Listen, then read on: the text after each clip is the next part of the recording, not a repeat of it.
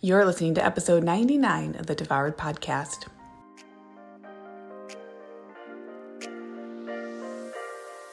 Welcome to Devoured, the podcast for women ready to release the title of Dieter for Good. I'm your host, Lucia Hawley, and I'm a certified nutritional therapy practitioner with my master's in social work, clinical mental health. I've lost 80 pounds and I'm on a mission to get you into the life of your dreams without being the woman who is consumed by diet after diet trying to get there. If you're wanting more in your life and are tired of wondering when or how to make that happen, then this is a podcast for you. You'll learn how to make the radical changes you've only dreamed of 100% possible for you today. I'm so happy you're here. The information provided within this podcast is intended as general education only and is not to be considered a substitute for professional medical advice, diagnosis, or treatment. Hey everyone, thank you so much for being here. I took last week off of the podcast, and I even considered taking this week off of the podcast too, but there is a subject that I think is really timely to be talking about and offering some both thoughts and considerations and action steps if that speaks to you on this episode this week, something that I wanted to offer you. Um, so, first off, let me just say that Black Lives Matter and there is internal work personally and you know business is personal and so my own internal work and own journey to truly be actively anti-racist i'm taking time with that and holding space for you if that's also something that you're pursuing taking time to make space and put in true action steps both in the short term as well as the long term and so just know that that's happening too. So, part of what I want to talk about today is really holding space for comfort eating because I think, especially in light of George Floyd's murder and the, you know, I know a good chunk both of women who work with me in Lean and Liberated, my uh, like past clients, my family, my roots. I'm from Minneapolis, Minnesota. So the events of the last two weeks um, on a lot of different levels really quite literally hit home. And um, it's it's been this space that personally you know i don't have tons of words on. I don't want to pretend to be eloquent about. It's all really clunky to talk about and i think that has to be fine because we have to talk about that stuff. And so what i've been noticing in myself as a, a minnesotan who is thousands of miles away is that I personally have had an uptick of desiring comfort foods. And I know that I, if I'm feeling that from many miles away, then I am so sure, and in conversations in Lean and Liberated, it's natural that during times of heightened stress, while we're already collectively in a time of stress because of a pandemic, which is still going on, it makes a lot of sense that some of our older coping mechanisms for dealing with stress and duress would come to the surface. And we've chatted about that already in more recent episodes because of the pandemic. We've created some space around that. But I really want this episode to be a container for you to start to consider if you notice that not only has there been an increase in comfort eating, but there's also an associated increase in negative thoughts about yourself and about you being someone who eats for comfort or you beating yourself up for comfort eating, I want to offer right now just space because here's the thing so many people in the health and wellness world want to just give you really cut and dry answers. Do this, don't do that, right? Oh, you're doing this one thing. Okay, stop doing that thing. Now start doing another thing because this is how your life is going to change. This is what will magically make your life so much better. And I really want, I hope for all of you who listen to this episode and to this whole show, that you start to see that the answers that are cut and dry, like what I can give you, are invitations to look inward. And I really think that coaching is the space it's that I'm going to keep using this word because it's so beautiful for it. Coaching is that container where you're not getting answers. You're actually you're getting a lot of questions and you're being held in that space for that self reflection, for you to do the unpacking while someone is bearing witness and offering support and guidance along the way. And I truly want this podcast to be an arm of what we do in Lean and Liberated in that program itself. So I'm not here to say, great, this is how to fix your life for forever, because A, it never works like that. and B, that would be really irresponsible of me. So in this space, on this episode, I want you to ask yourself right now Have I been eating for comfort more? Have I been reaching for comfort foods more? Okay. Now that you've been creating some thoughts around that, like, yeah, Lucia, duh. Or you're like, eh, actually, not so much. Maybe some days. Whatever the answer is, here's the next question How do you feel about that comfort eating? not only how does it feel in the moment, for a lot of people, it can feel like a way to numb out or to buffer big emotions. It can feel like truly the opposite of whatever those big emotions are. And a lot of the times, especially right now, those big emotions are are grief and their sadness. Even during times of anger, I think in my opinion, anger is an emotion that's a calling card into action. And when we take that action or we can't take that action, etc., that anger either extends or shifts into frustration or another emotion that's kind of a high ticket emotion that's a, a big, big energy. But truly underlying a lot of anger are emotions that can feel even more difficult to sit with sadness, grief, overwhelm. So I want you to ask yourself not only what could potentially be the feeling that I'm not desiring to feel right now and to be neutral with that, simply to have that awareness. But also after the fact, after you've eaten for comfort. I always use a bag of chips because, quite frankly, that's my comfort food. but insert whatever comfort food is the food that's comfort food for you. After you've eaten that, after you perhaps feel excessive fullness, after you've numbed out with it, now I want you to ask yourself what are the thoughts that automatically come up? For a lot of people, they're on some spectrum of shame, Sh- like shaming oneself. Like, oh, there, like you did it again. Like, oh, you're so weak. Or, oh, I can't believe I ate X, Y, or Z food. It wasn't on the plan. Like, oh, I thought I could be the person who could have that food in my kitchen. And here I am just gobbling it down, not even being aware. Uh, you know, the cascade of thoughts that can go from there. Oh, I'm taking this program or I've done that diet. Like, how can I not have the tools already to be done with comfort eating? Or maybe for some of you, you're also like, well, now's kind of the time. Or maybe it's unidentified emotions after. Have you ever investigated what those emotions are after you engage in comfort eating?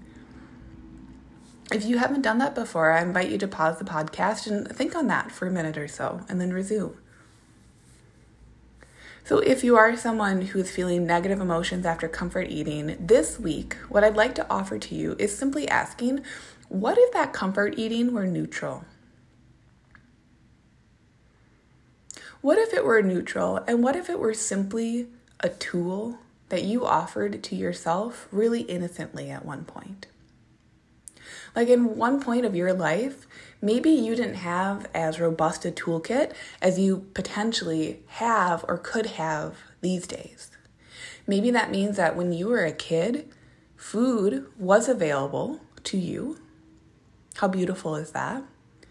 And that food was a tool that as it was readily available to you, you knew you could go to in times of duress because maybe there weren't other avenues that you knew of or felt safe exploring or reaching for when you were managing big emotions.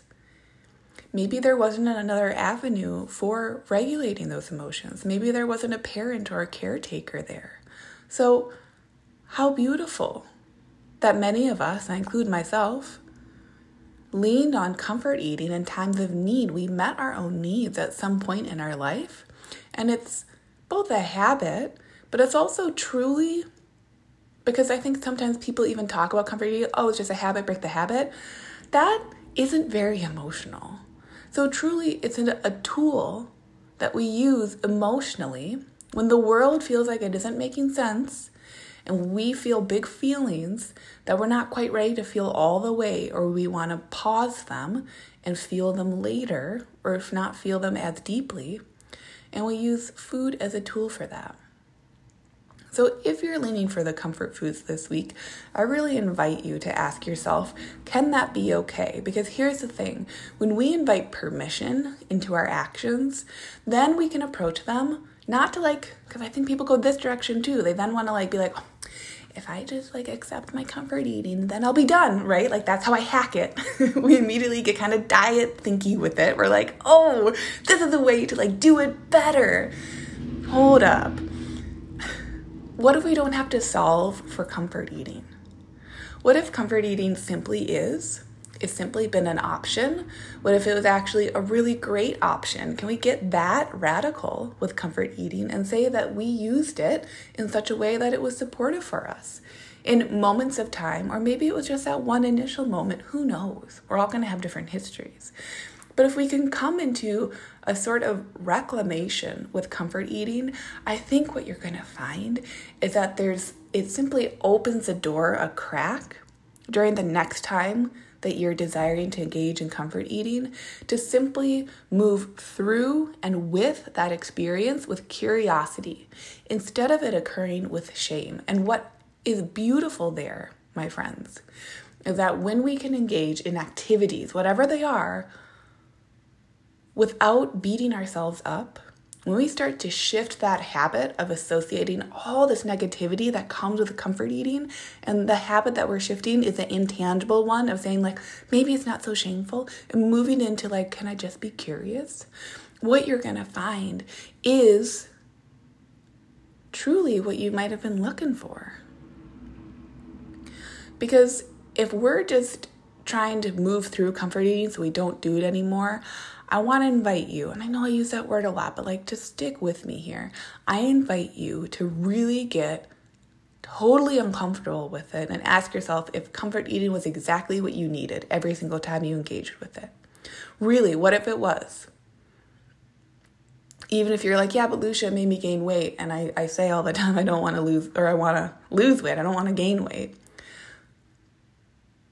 But what if it was what you needed? And what if now, if you feel called to it during these massive times of unrest and injustice that isn't new, but is really finally coming to the surface?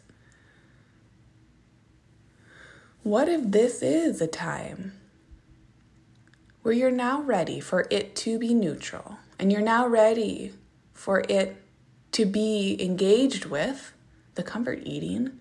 With curiosity because you're now ready for something a little bit different. I really want you to get radical with it this week if you some if you're someone who has been comfort eating. Like truly, what could happen if you could just be curious with yourself in the moment without expectation and without judgment because a lot of people try to solve for comfort eating with the expectation that they'll get rid of it for forever.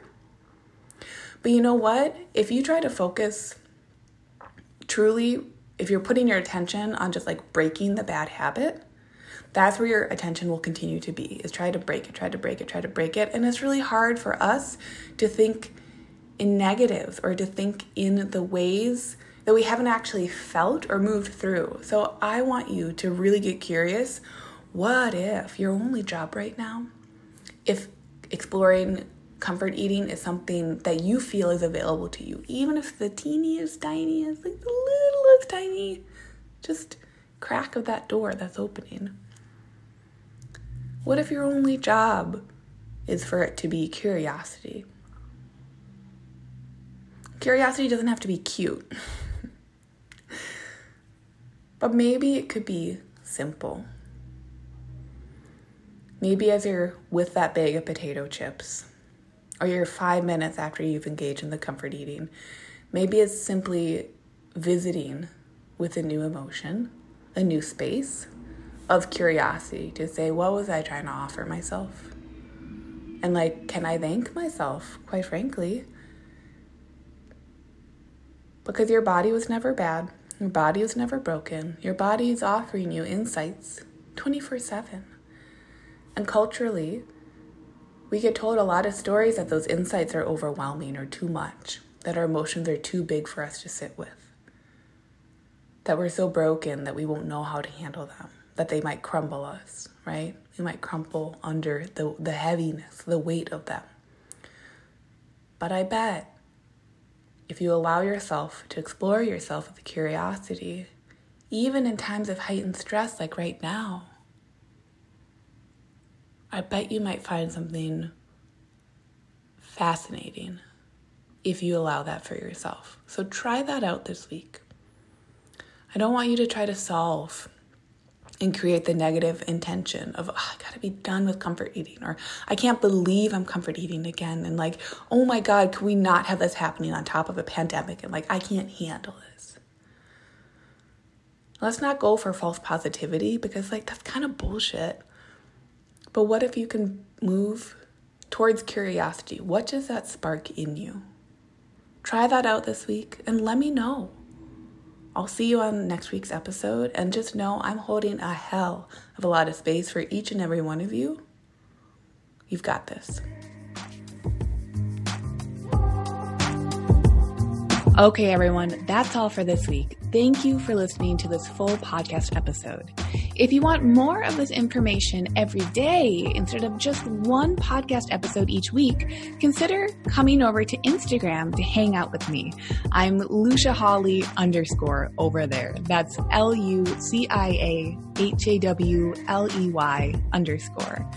And one more thing before this episode ends please consider leaving a review of Devoured on iTunes so we can keep spreading the word. And together we can offer this free education, empowerment, and liberatory nutrition principles that will change more lives.